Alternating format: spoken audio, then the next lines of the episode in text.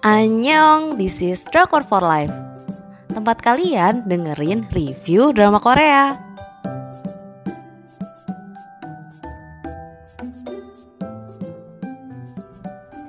Review drama Korea Richman Menurut aku drama ini agak ketinggalan zaman sih. Atau judul lainnya Richman Per Woman Stasiun penyiarannya MBN, tanggal penayangan 9 Mei sampai dengan 28 Juni 2018. Jumlah episodenya 16 episode untuk ratingnya 2 dari 5. Oke, sinopsisnya. Yu Chan adalah CEO sebuah perusahaan IT yang bernama Nexin. Kelakuannya arogan, suka marah-marah, tapi dia nggak bisa mengenali wajah orang. Selama ini dia selalu mencari cinta pertamanya, Kim Bun Hong yang nggak dia inget sama sekali wajahnya. Dengan teknologi juga dia terus nyari Bun Hong tapi dia nggak nemu-nemuin. Ke manakah dia? Hingga suatu ketika Kim Bora sedang interview kerja di Next In terlibat adu mulut dengan Yu Chan. Lalu Bora malah ngaku kalau namanya Bun Hong. Kaget dong dari itu hubungan mereka pun dimulai. Alur cerita dibuat nebak-nebak siapa Kim Bun Hong, apakah Bora sebenarnya Bun Hong atau kenalannya. Aku nebaknya ya padahal Bora tuh berpura-pura jadi Bun Hong di masa lalu karena Yo Chan nggak bisa mengenali wajah orang. Terus jadi sebenarnya rasa suka Yo Chan itu ke Bora. Terlalu drama sekali kan pikiran aku. Niatnya mau anti mainstream tapi jadinya malah kurang greget sih ceritanya menurut aku. Tapi di beberapa masalah malah bisa ketebak kayak siapa penjahatnya konflik drama ini apa ya ya nemuin Bun Hong ya konflik kerjaan sih kayaknya lebih dominan. Bagaimana cara next in menangin tender ke pemerintah terus konflik internal perusahaan. Tapi ya konfliknya banyak gitu loh jadi nggak gerget ya kebanyakan mungkin kita ikut pusing gitu Selanjutnya aku bakal bahas penokohannya. Ada Yu Chan, dia adalah seorang CEO perusahaan IT terkemuka. Jangan ditanya duitnya ya, dia mah kayaknya kalau beli apa aja udah nggak lihat harga. Kemampuannya udah nggak usah diragukan lagi, apalagi kalau pas bikin coding. Gemes banget kayak bocah, tapi ini ya kelakuannya bikin geleng-geleng. Dia itu kasar, arogan, omongannya tajam jadi banyak yang sebel sama dia terus ada Kim Bora dia adalah seorang anak dari desa tapi dia cerdas kemampuannya menghafal bener-bener kayak rekaman.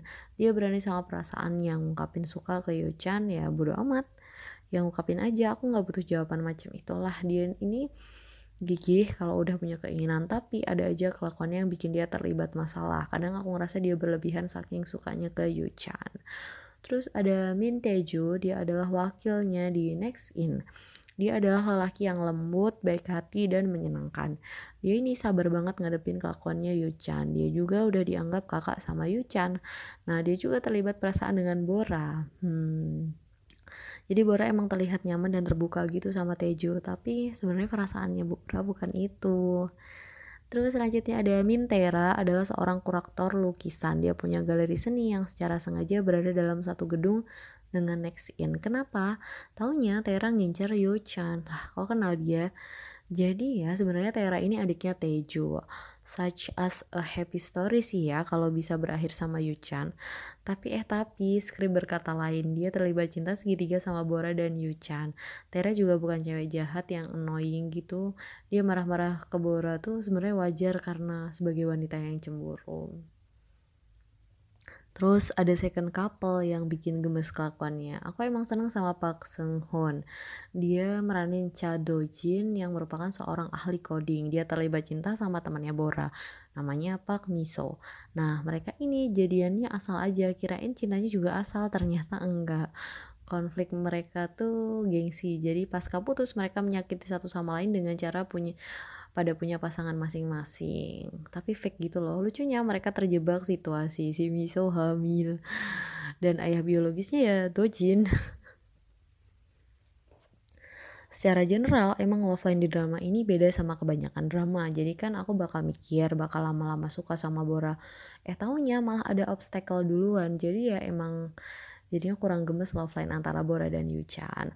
Romance antara Yuchan dan Bora jalan di tempat nggak maju-maju lambat banget hubungan mereka berkembang padahal aku kira ya mereka bakal cepet deket gitu terus jadian karena Chinlock eh taunya bener-bener di akhir banget. Dia ada sih scenes manis tapi nggak diseriusin gitu loh. Kayak ada scenes yang pas bangun bobo tiba-tiba mereka bobo bareng tapi nggak ada kejelasan lagi. Sayang aja ya kurang digali jadi aku nggak baper sama mereka. Love line secara keseluruhan tuh kurang greget menurut aku. Kayak nggak ngebiarin scene-scene romannya muncul.